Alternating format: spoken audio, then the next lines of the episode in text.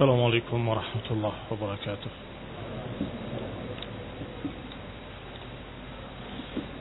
إن الحمد لله نحمده ونستعينه ونستغفره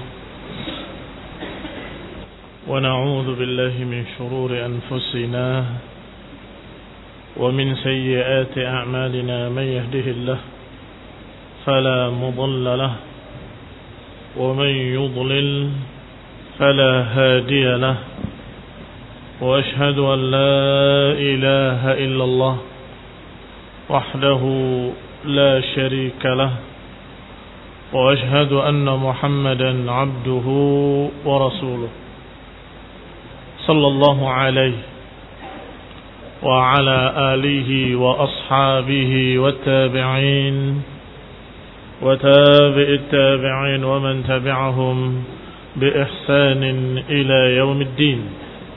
يا أيها الذين آمنوا اتقوا الله حق تقاته ولا تموتن إلا وأنتم مسلمون.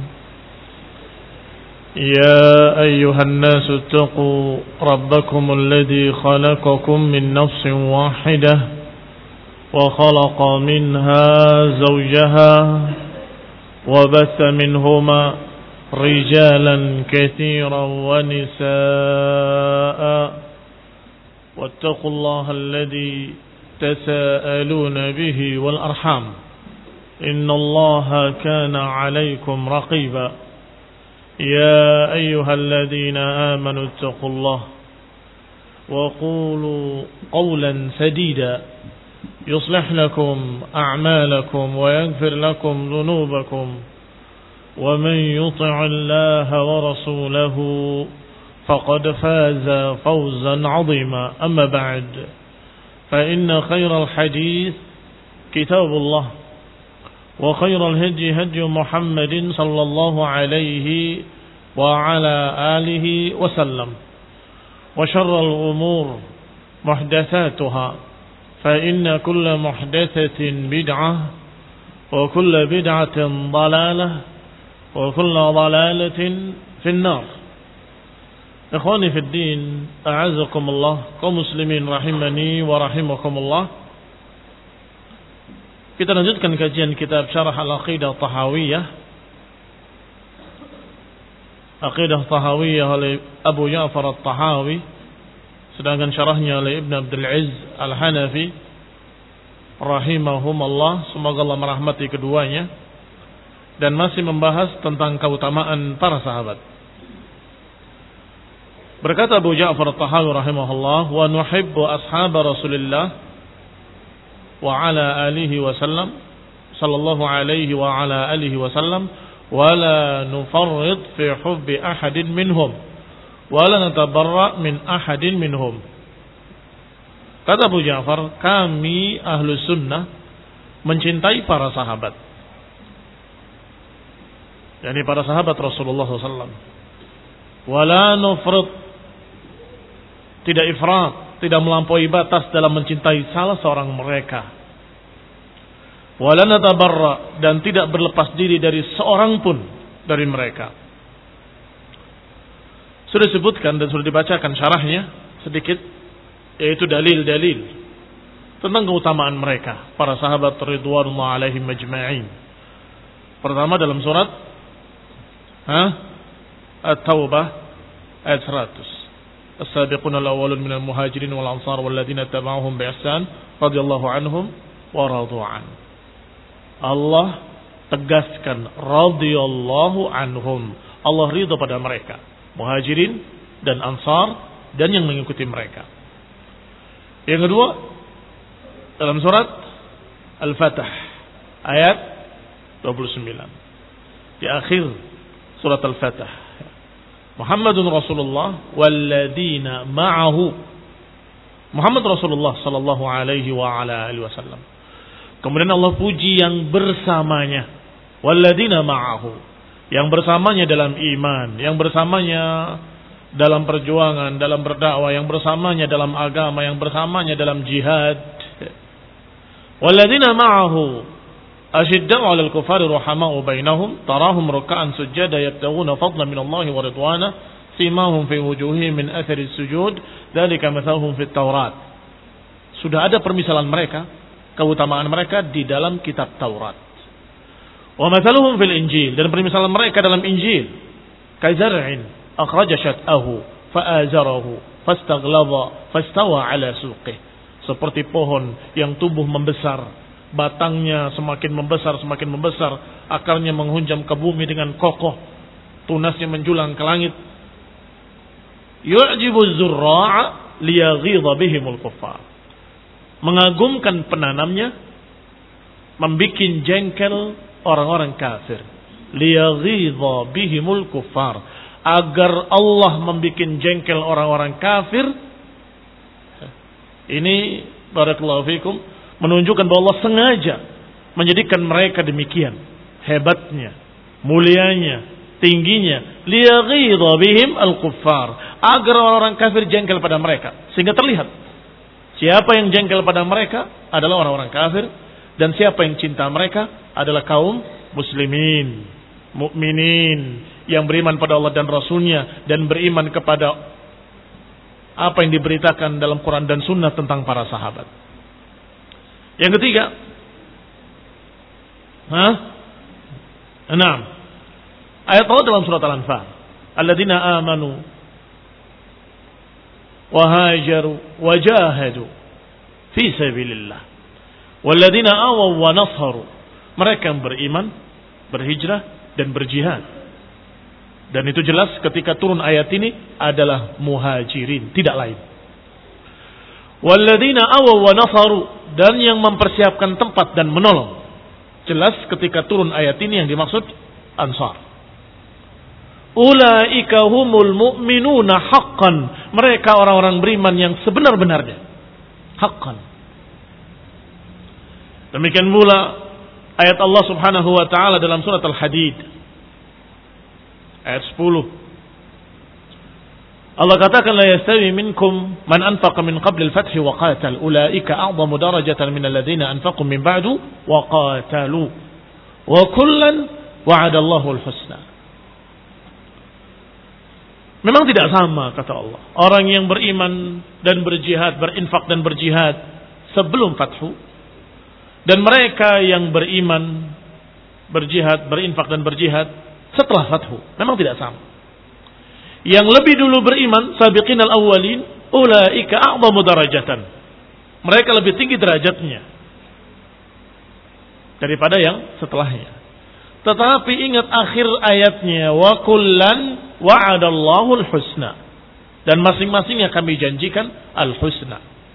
Ayat ini di samping menunjukkan keutamaan generasi pertama, as-sabiqin al-awwalin, para sahabat di golongan yang pertama, yang beriman, berinfak dan berjihad min qablil fathi sebelum terjadinya Hudaybiyah, maka mereka a'zamu darajah, tinggi derajatnya.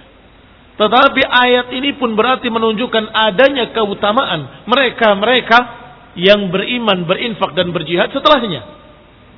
Karena disebutkan wa kullan wa'adallahu husna. Maka jangan meremehkan para sahabat seperti Khalid bin Walid. Jangan meremehkan para sahabat yang masuk Islam belakangan seperti Muawiyah, Abu Sufyan dan yang bersamanya. Ikrimah, Ibn Abi Jahal. Siapa lagi? Mereka-mereka ini Allah katakan wa kullan wa'adallahu husna. Kalau dibandingkan dengan generasi pertama, generasi pertama lebih utama.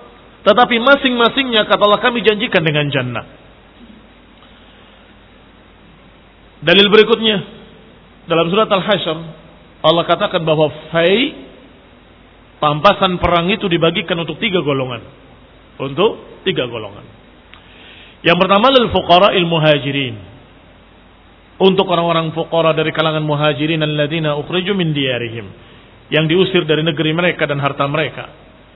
Yang hijrah ke Madinah. Yaitu sadiqun. Ulaika humus sadiqun. Golongan kedua untuk mereka-mereka alladzina tabawwa'ud dara wal imana min qablihim yuhibbuna man hajara ilaihim yang mempersiapkan tempat dan menolong yang membantu mempersiapkan tempat untuk para muhajirin yang ikhlas dan ini adalah orang-orang ansar yang ketiga adalah alladzina ja'u min ba'dihim. Yang datang setelah mereka. Yang bukan muhajirin, bukan ansar. Berarti siapa mereka ini walladzina ja'u min ba'dihim? Para sahabat yang masuk Islam setelah fathu dan terus setelahnya, setelahnya, setelah sampai hari ini, sampai hari kiamat. Syaratnya Allah katakan Yaquluna rabbana ighfir lana wa li ikhwanina alladziina sabaquna bil iman. Yaitu yang mendoakan orang yang lebih dulu beriman. Berarti yang pantas diberi fai adalah mereka-mereka yang datang setelah muhajirin dan ansar dan mendoakan mereka. Dan berdoa wala taj'al fi qulubina ghillan lilladina amanu. Ya Allah jangan jadikan di hati kami ada ghil, ada kedengkian pada orang yang beriman.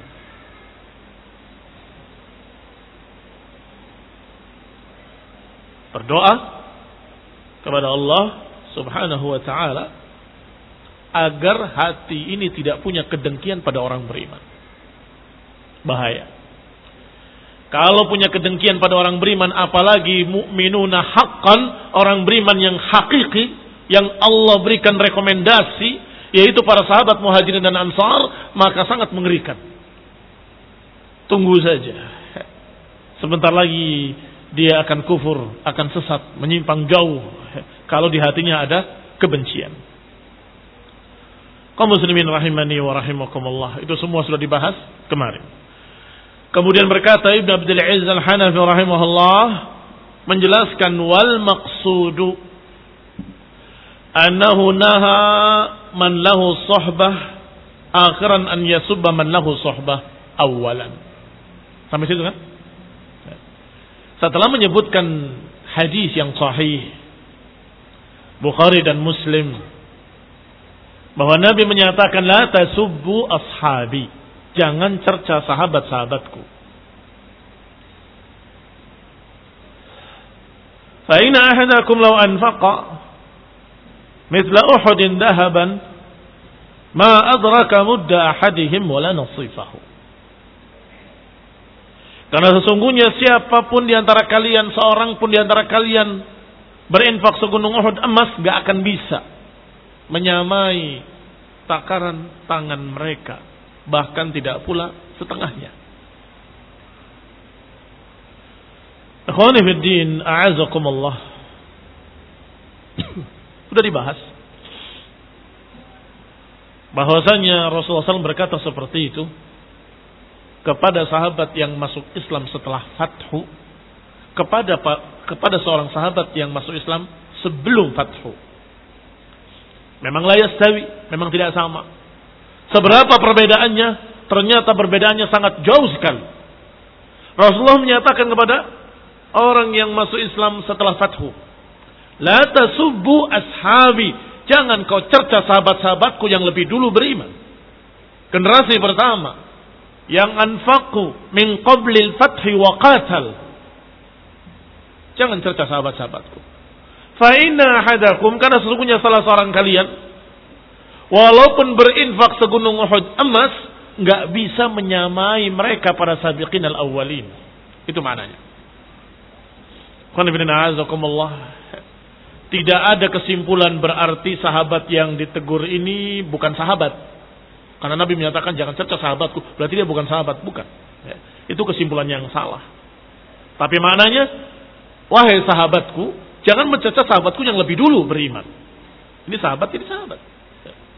Buktinya Rasulullah SAW memujinya dan menyatakannya dengan julukan yang sangat bagus, Saifullah.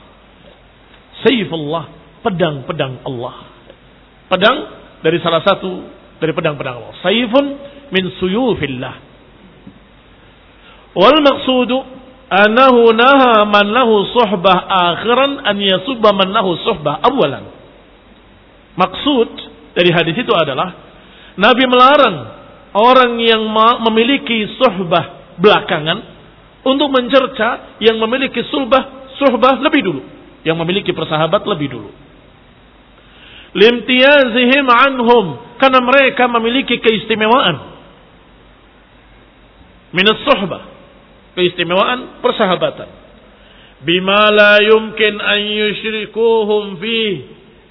Di mana generasi pertama ini nggak bisa disaingi, nggak bisa ditandingi keutamaan sohbahnya.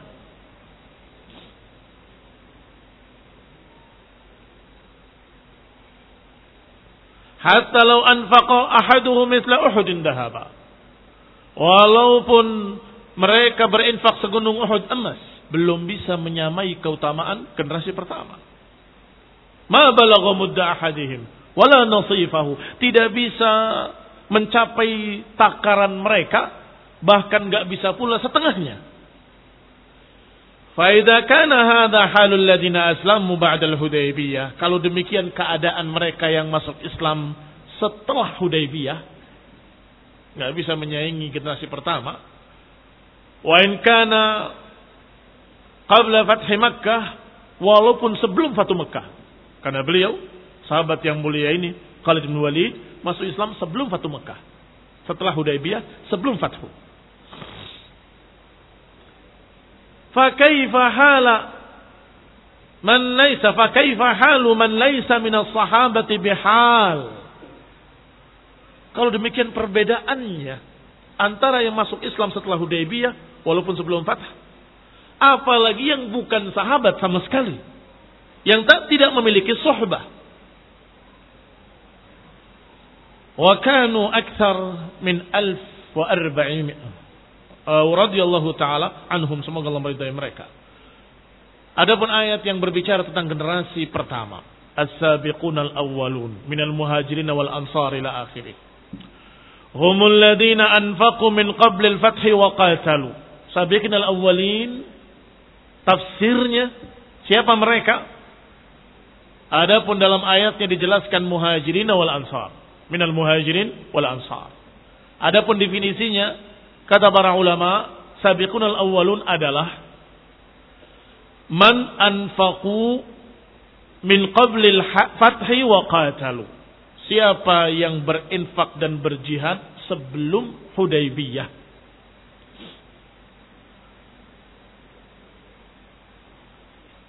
Berarti siapa mereka?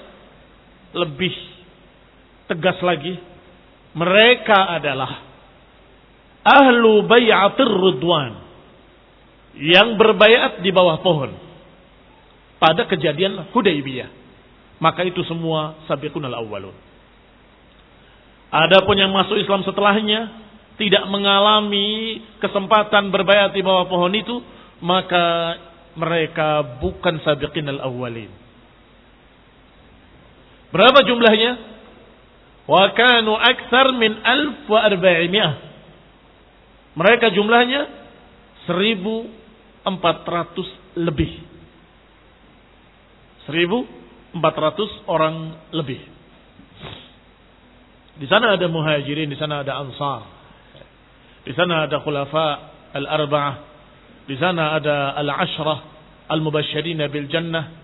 Di sana ada mereka-mereka yang Rasulullah SAW menyatakan fil jannah ila akhirih. Qila ada yang berkata, Inna sabiqin al-awwalin man salla ilal qiblatain. Ada yang berkata, bahwa sabiqin al-awwalin adalah yang sempat sholat di dua kiblat. Berarti generasi yang pertama banget ketika kiblat masih ke Mekah. Uh, ketika kiblat masih Baitul Maqdis. Wahada dhaif. Ini pendapat yang lemah. Ini pendapat yang lemah. Yang berarti banyak sahabat yang tidak dianggap sabiqin al-awwalin. Karena berarti batas akhirnya kapan? Kalau dikatakan generasi pertama sabiqun al-awwalun adalah yang sempat sholat di dua kiblat. Berarti batas akhirnya adalah ketika turun ayat fawallu wujuhakum syatral masjidil haram. Begitu turun ayat hadapkan wajah kalian ke Masjidil Haram. Maka yang masuk Islam setengahnya, setelahnya tidak pernah mengalami kiblat yang pertama. Langsung ke kiblat yang kedua, yaitu Mekah, Masjidil Haram, Ka'bah, Al-Musharrafah. Berarti bukan sampai kenal awal ini. Ada qaulun. Ini pendapat yang lemah. Fa inna salat ila al-qiblatil mansukhah laisa bimujarradihi fadilah. Karena salat ke kiblat yang pertama yang sudah dibatalkan, dimansuhkan yaitu Baitul Maqdis, maka itu bukan keutamaan. Bukan keutamaan. Lianna nasakh laisa min fi'lihim. Karena dibatalkannya hukum bukan dari perbuatan mereka para sahabat. Mengapa para sahabat yang datang belakangan kiblat sudah ke Mekah? Kenapa disalahkan? Kamu nggak dapat keutamaan karena nggak sempat sholat menghadap Mekah, ah, menghadap Baitul Maqdis. Loh apa keutamaannya? Dan yang memansuhkan bukan mereka. Allah yang memansuhkan. Maka ini bukan satu kelebihan bagi yang ikut, bukan satu kekurangan bagi yang tidak sempat. Baik. Walam yadullu ala tafdil bihi dalilun syar'i dan tidak ada pula dalil-dalil yang syar'i yang menunjukkan keutamaan salat ke Baitul Maqdis atau salat ke kiblat pertama. Tidak ada. Apakah ada? riwayat keutamaan? Tak ada. Bahkan mansukhah maknanya dibatalkan. Berarti Allah lebih menginginkan untuk kiblatnya ke Mekah. Sehingga Allah batalkan kiblat pertama. Bahkan kiblat pertama adalah kiblat yang dipakai atau yang dilakukan oleh ahli kitab Yahudi. Apakah itu sebuah keutamaan? Ya, tidak. Baik. Pertanyaannya sekarang dibalik. Kalau Baitul Ridwan, Hudaybiyah, apakah punya keutamaan? Oh iya. Iya dengan tegas. Keutamaan besar, bukan hanya keutamaan. Keutamaan yang sangat besar. Mengapa? Satu, Allah sebut ke dalam Al-Quran dengan kalimat Laqad radiyallahu 'anil mu'minina id yubayi'unaka tahta syajarah. Allah sungguh telah ridha kepada mereka di bawah berbayat di bawah pohon. Itu dalam Quran. Dengan lam dan qad yang dua-duanya berfungsi taukid. Sungguh-sungguh, sungguh-sungguh Allah telah ridha kepada mereka. Berarti semua ahli bayat ridwan mardiyun. Diridhai oleh Allah SWT dengan nas Al-Quran. Yang kedua, hadis yang juga sahih. Di dalam kitab-kitab sahih dalam Bukhari dan Muslim. Rasulullah SAW menyatakan, La yadkhulun nar. Ahadun baya'a tahta syajarah. Saya ulangi, ringkas, mudah dihafal, mudah dicatat. La yadkhulun nar ahadun baya'a tahta syajarah. Enggak akan masuk neraka seorang pun yang berbayat di bawah pohon. Ini keutamaan besar. Keutamaan yang sangat besar. Sehingga wajar kalau memiliki keutamaan. Ini generasi pertama. Sabiqun al-awwalun.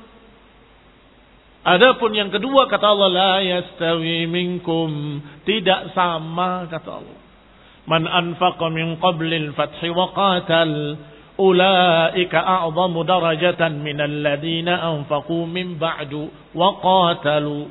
Tidak sama yang masuk Islam, berinfak, berjihad sebelum Fathu, sebelum Hudaybiyah, ulaika a'zamu darajatan, lebih tinggi derajatnya daripada yang beriman, berinfak, berjihad setelah Fathu. Itu kata Allah.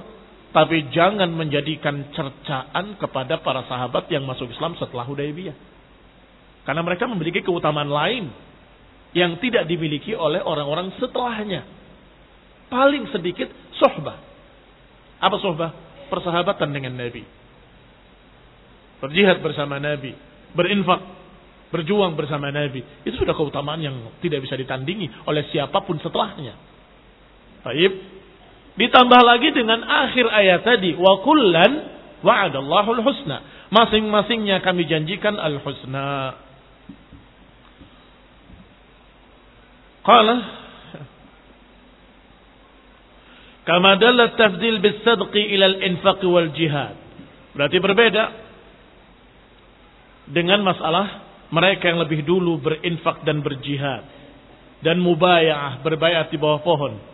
Allati kanat tahta syajarah yang di bawah pohon. Itu semua memiliki keutamaan. infaknya, jihadnya, perjuangannya bersama Nabi, bayatnya, semuanya memiliki fadilah.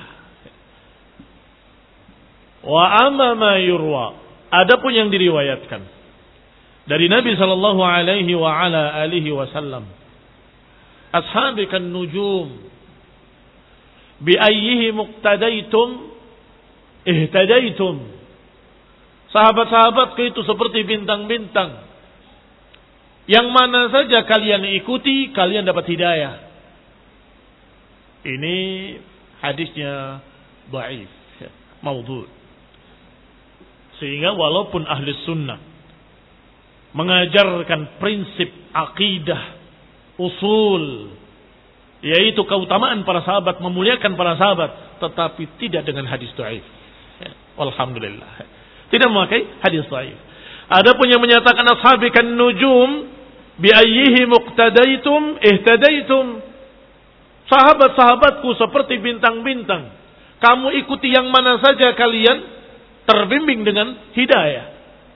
Ini keliru. Ini keliru. Yang jadi hujjah adalah ijma' para sahabat, kesepakatan mereka.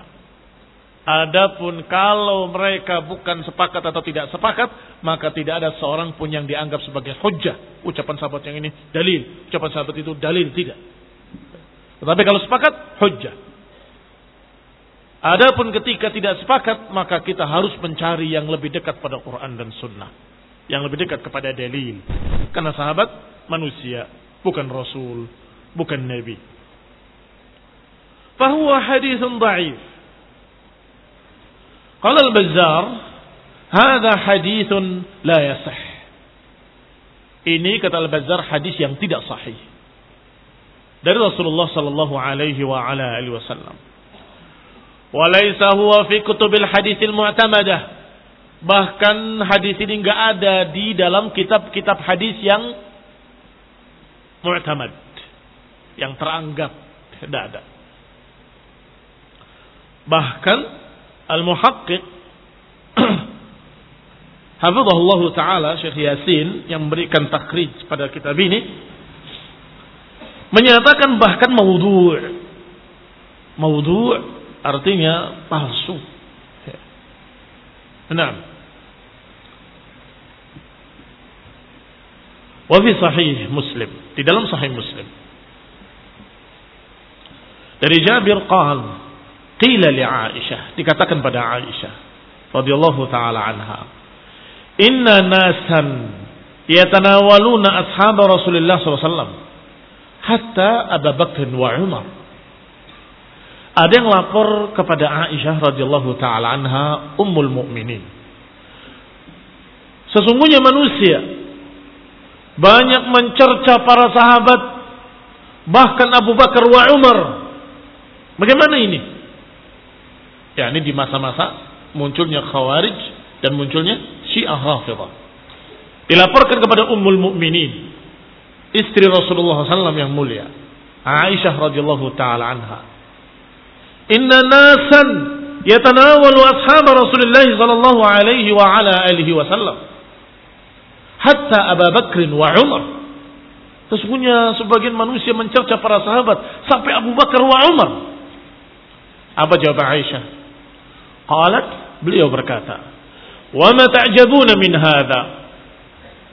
In qata' anhumul 'amal fa ahabba Allah an la yaqta' anhumul ajr."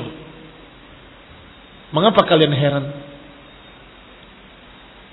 Mereka sudah putus amalannya. Dan dengan wafatnya mereka sudah tidak beramal lagi. Tetapi Allah menginginkan agar mereka terus dapat pahala.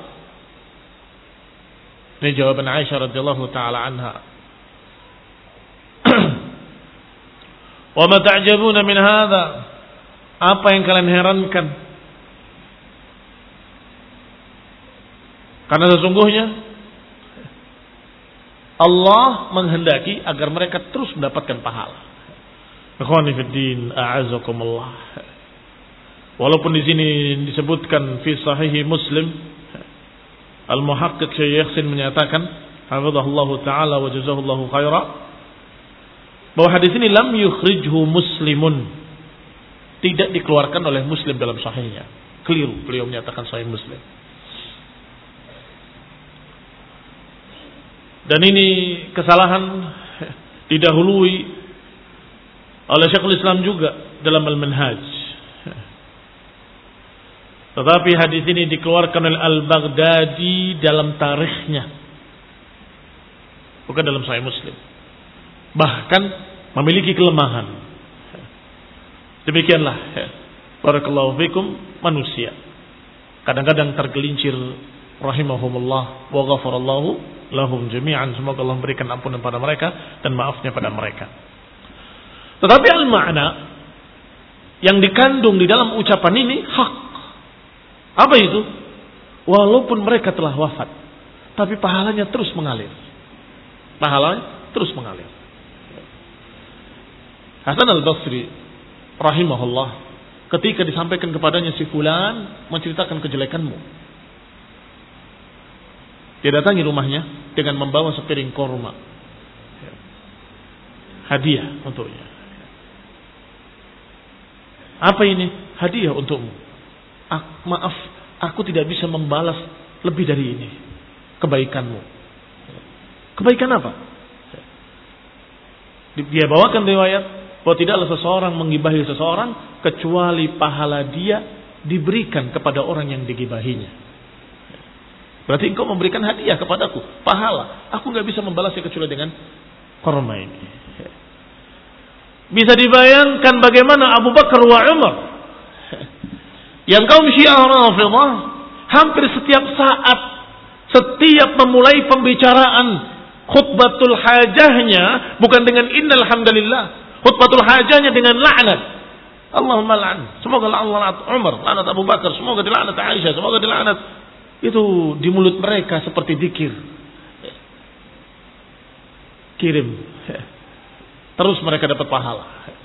Para sahabat yang dicerca mendapatkan pahala. Sekian amalan-amalannya sudah besar. Pahalanya sudah sangat tinggi. Berjuang bersama Rasulullah.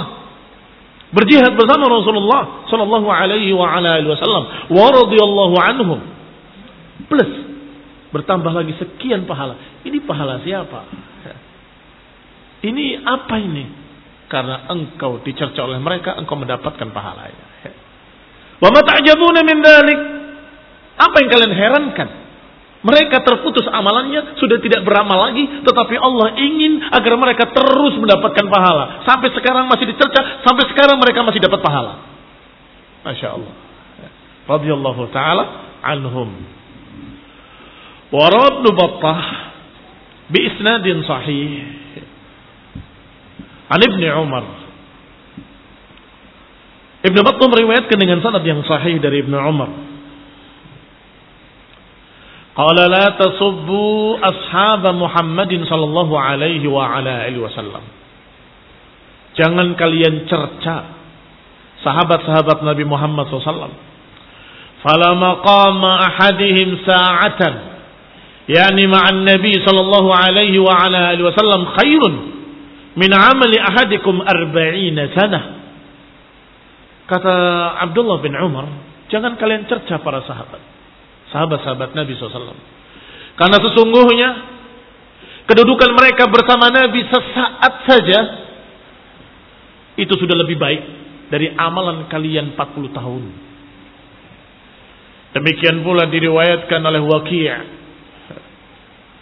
dalam riwayat Waqi' gurunya Imam Syafi'i rahimahullah menyatakan khairun min ibadati ahadikum umrahu lebih baik dari amalanmu seumur hidupmu. Kebersamaan mereka bersama Nabi sesaat saja. Itu lebih baik daripada amalan kalian 40 hari bahkan dalam riwayat seumur hidupmu. Lebih baik dari amalanmu seumur hidup. Dan ini sahih riwayatnya dari Abdullah bin Umar. Akhwani fiddin, a'azakumullah. Diriwayatkan pula oleh Ibnu Majah, dikeluarkan pula oleh Imam Ahmad di dalam Fadail Sahabah, keutamaan-keutamaan para sahabat. Wa fi sahihain dan juga disebutkan dalam dua kitab sahih Bukhari dan Muslim dari Abdullah bin Mas'ud radhiyallahu taala anhu dan juga disebutkan dari hadis Imran ibn Husain radhiyallahu taala anhum anna Rasulullah SAW qal bahwa Nabi pernah bersabda khairun nas qarni thumma alladhina yalunahum thumma alladhina yalunahum. Sebaik-baik manusia adalah generasiku. Kemudian yang berikutnya kemudian yang berikutnya. Ini sudah sangat tegas dan jelas. Hadisnya sangat sahih. Di dalam kitab yang tersahih setelah Al-Quran. Yaitu Sahih Bukhari. Kemudian Sahih Muslim. Bahwa Nabi menyatakan khairun nas karni. Sebaik-baik manusia adalah generasiku. Beberapa lafaz menyebutkan khairul qurun karni. Dan itu tidak tepat. Yang sahih bukan khairul qurun tetapi khairun nas. Sebaik-baik manusia adalah generasiku. Kemudian yang berikutnya, kemudian yang berikutnya. Generasiku kata Nabi SAW tentunya para sahabat. Ridwanullah alaihim majma'in. Yang berikutnya berarti para tabi'in. Yang berikutnya lagi berarti tabi'it tabi'in. Pengikutnya para tabi'in. Berkata Imran Ibn Husain, Fala adri Adzakara ba'da qarnihi qarnaini atau thalatha. Aku tidak tahu. Apakah menyebut setelah zamannya dua generasi atau tiga generasi? Apakah menyebutnya hanya dua? Khairun nas qarni, thumma ladina yalunahum, thumma ladina yalunahum. Dua kali. Atau tiga kali. Aku tidak ingat. Atau mengucapkan khairun nasi qarni, thumma ladina yalunahum, thumma ladina yalunahum, thumma ladina yalunahum. Demikian kata beliau, la adri, aku tidak tahu apakah menyebut setelah generasi beliau sendiri, menyebut dua generasi atau tiga generasi. Al-muhim, hadis ini menunjukkan bahwa seutama-utama manusia, sebaik-baik manusia adalah para sahabat. Baru kemudian yang berikutnya, yang berikutnya. Menurun, menurun, menurun. Keraguan Imran bin Husain tidak merusak kesahihan hadis tidak merusak kesahihan hadis. Karena secara sanad dia sahih. Secara makna tidak berpengaruh dua atau tiga. Barakallahu fikum. Wa qal thabata fi sahih Muslim an Jabir. Demikian pula telah sabit riwayatnya dikeluarkan oleh Imam Muslim dari sahihnya dari Jabir bin Abdullah bahwa Nabi sallallahu alaihi wa ala alihi wasallam menyatakan la yadkhulun nar ahadun bay'at tahta syajarah. Yang sudah kita bacakan tadi keutamaan mereka para sahabat generasi pertama yang sempat berbayat di Hudaybiyah di bawah pohon yang dijuluki dengan Bay'atur Ridwan. Ikhwani a'azakumullah. Adapun kalau mereka membahas tentang kesalahan-kesalahan sahabat atau mencari-cari kesalahan sahabat, bisa jadi akan didapat bisa jadi akan didapat. Namanya manusia. Kadang keliru, kadang alpa, kadang lupa, kadang emosi. Kadang emosi sesaat kemudian menyesal. Maka ingatlah kita tidak boleh tajassus terhadap seluruh kaum mukminin. Apalagi kepada para sahabat. Allah Subhanahu wa taala menyatakan wala tajassasu wala yaghtab ba'dukum ba'dha. Wala tajassasu. Jangan kalian tajassus mencari-cari menyelidiki kesalahan orang lain dan jangan ghibah menceritakan kejelekan orang lain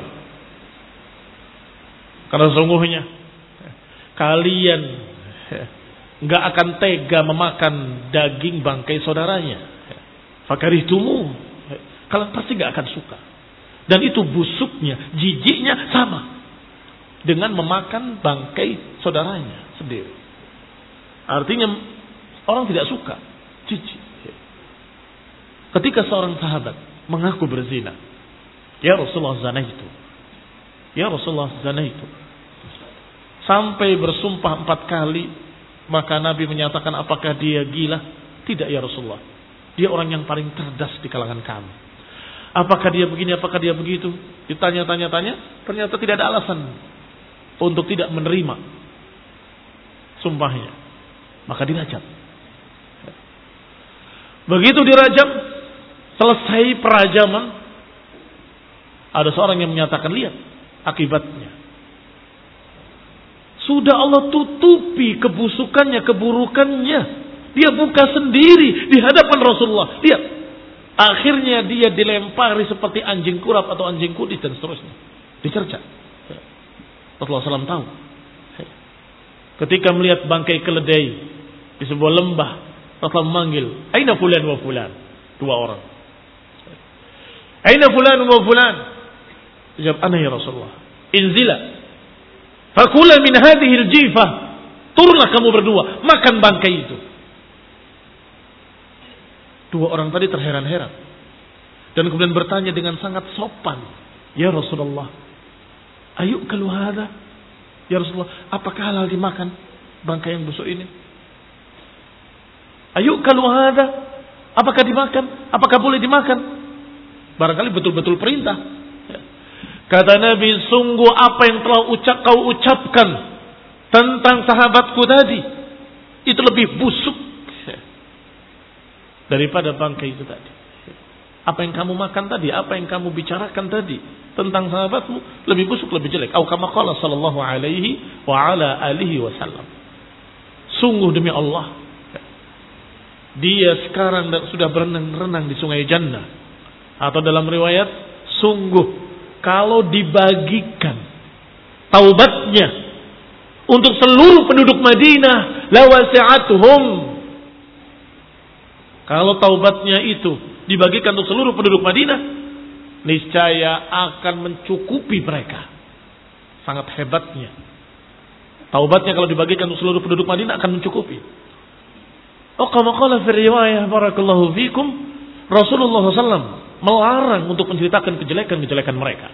Dan para sahabat, ridwanullah alaihi majma'in, kalaupun ada ketergelinciran, kalaupun ada kesalahan, biasanya mereka adalah orang-orang yang cepat taubat. Cepat taubat.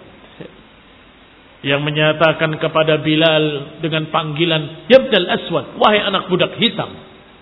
Rasulullah SAW marah. Segera dia taubat. Ketika Rasul mengatakan fika jahiliyah, padamu ada ada jahiliyah, ada sifat jahiliyah. Dia menyatakan kepada Bilal meminta maaf dan menyatakan injak kepalaku wahai Bilal agar aku yakin engkau lebih mulia dariku. Demikian pula sahabat yang dikatakan oleh Rasulullah SAW, afatanun an?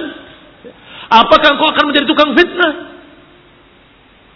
Itu pun jelas taubatnya, memperbaiki amalan ibadahnya, beristighfar kepada Allah Taala, menyesal. Demikian pula sahabat Usama Ibn Zaid yang membunuh orang kafir dalam perang dalam keadaan sudah mengucapkan la ilaha illallah itu kesalahan besar. Tetapi penyesalannya jangan kalian ragukan. Sangat-sangat menyesal dan terus menyesal sampai seakan-akan dia berkata kalau saja aku masuk Islamnya sebelum kejadian ini sehingga aku tidak mengalami kesalahan ini. Sampai seperti itu dia khawatir. Maka barakallahu fikum.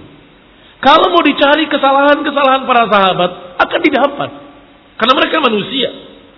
Tetapi, tidakkah kalian tahu kalau mereka beristighfar? Tidakkah kalian tahu kalau mereka bertaubat? Tidakkah kalian tahu bahwa mereka pasti diterima taubatnya dan pasti diampuni? Ustaz bilang pasti, naam. Karena yang bilang bukan saya. Yang bilang Allah subhanahu wa ta'ala dalam Quran.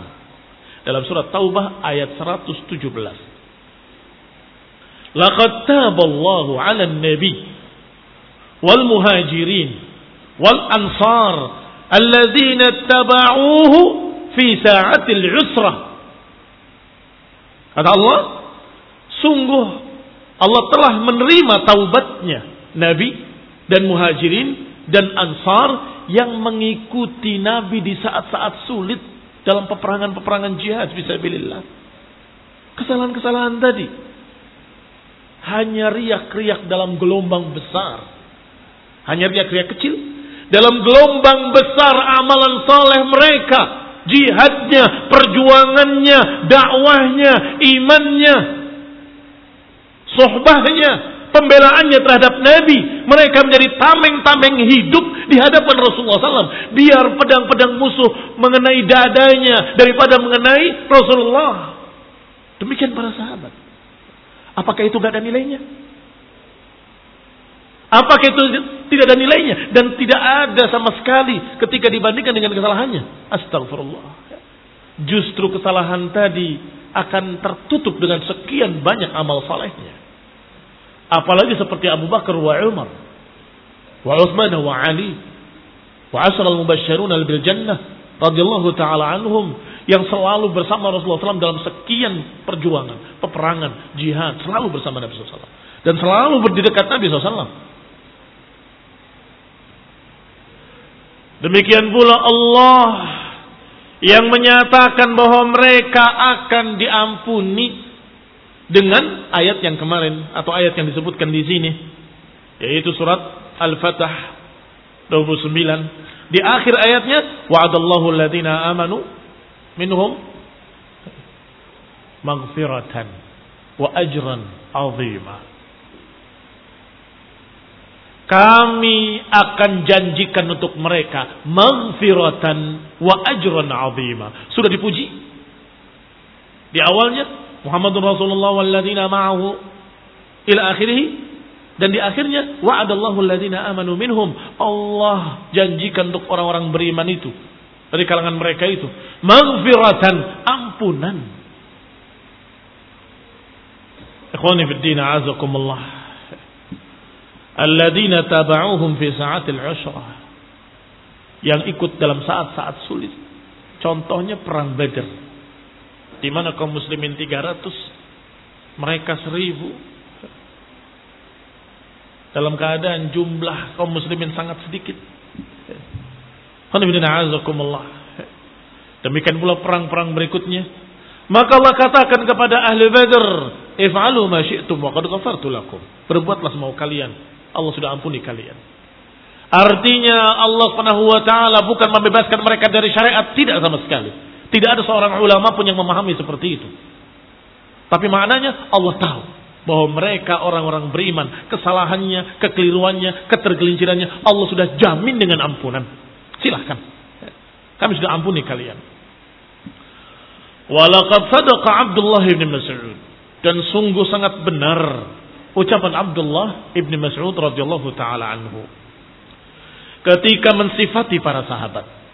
Kata Abdullah bin Mas'ud radhiyallahu taala anhu, "Inna Allah nazara fi qulubil ibad, fawajada qalba Muhammadin khair qulubil ibad, fastafahu li nafsihi." Sesungguhnya Allah melihat hati-hati para hamba. Kemudian Allah mendapati hati Nabi Muhammad SAW adalah sebaik-baik hati para hamba. Maka Allah pilih untuk dirinya. Wabta'athahu birisalatih. Maka Allah utus sebagai rasulnya. Thumma nawara. Kemudian Allah melihat lagi hati-hati para hamba. Maka didapati quluba ashabihi, hati-hati para sahabatnya, khaira qulubil ibad, adalah sebaik-baik hati para hamba. Faja'alahum uzara'a nabiyyih. Maka mereka Allah pilih menjadi wuzara, pendukung-pendukung nabinya. Yuqatiluna fi dinih. Berperang membela agamanya. Famara'ahul muslimuna hasanan fahuwa indallahi hasan. Maka siapa atau apa yang dilihat oleh kaum muslimin itu sebagai kebaikan, maka dia di sisi Allah kebaikan. Famara'ahu sayyi'an fahuwa indallahi sayyi' dan apa yang dilihat oleh mereka sebagai kejelekan, maka itu sebagai kejelekan. Kata Abdullah bin Mas'ud radhiyallahu taala anhu bahwa para sahabat itu bukan kebetulan. Bukan kebetulan. Masuk Islam, menjadi sahabat itu bukan kebetulan. Ditakdirkan oleh Allah, dipilih oleh Allah. Kalau saja yang menjadi sahabat-sahabat Rasulullah bukan mereka, naudzubillah. Mungkin Rasulullah SAW ditinggal sendiri. Mereka lari tunggang langgang. Sebagaimana kejadian di dalam perang apa? Perang Hunain. Wa yawma Hunain id a'jabatkum kathratukum falam tughni ankum. Ingatlah perang Hunain kata Allah. Ketika kalian kagum dengan banyaknya jumlah pasukan kalian, ternyata nggak bermanfaat. Ketika sampai di satu tempat yang namanya Hunain, di antara dua bukit, musuh dari bukit kanan dan kiri memerangi mereka dengan panah-panah mereka, tombak-tombak mereka, bagaikan hujan. Bubar. Siapa sisanya? Para sahabat yang pertama sabiqin al-awwalin muhajirin wal ansar. Bukan yang mimba dua qatalu. Mereka belum. Belum masuk Islam. Atau mereka dalam keadaan sebagian bersama Nabi. Tetapi mereka para muallaf ini tadi lari mereka Walhamdulillah Allah pilihkan muhajirin dan ansar orang-orang hebat Nabi mengatakan pada Abdullah bin Abbas panggil mereka atau Abbas wallahu alam. Bukan Abdullah bin Abbas, Abbasnya Abbas bin Abdul Muttalib. Maka yang dipanggil yal muhajirin, yal ansar, ya man baya'a tahta syajarah. Dan mereka yang kumpul dan mereka yang berperang menang. Jumlah yang sekian besarnya kata Allah lam tughni ankum syai'ah kaum muslimin rahimani wa rahimakumullah.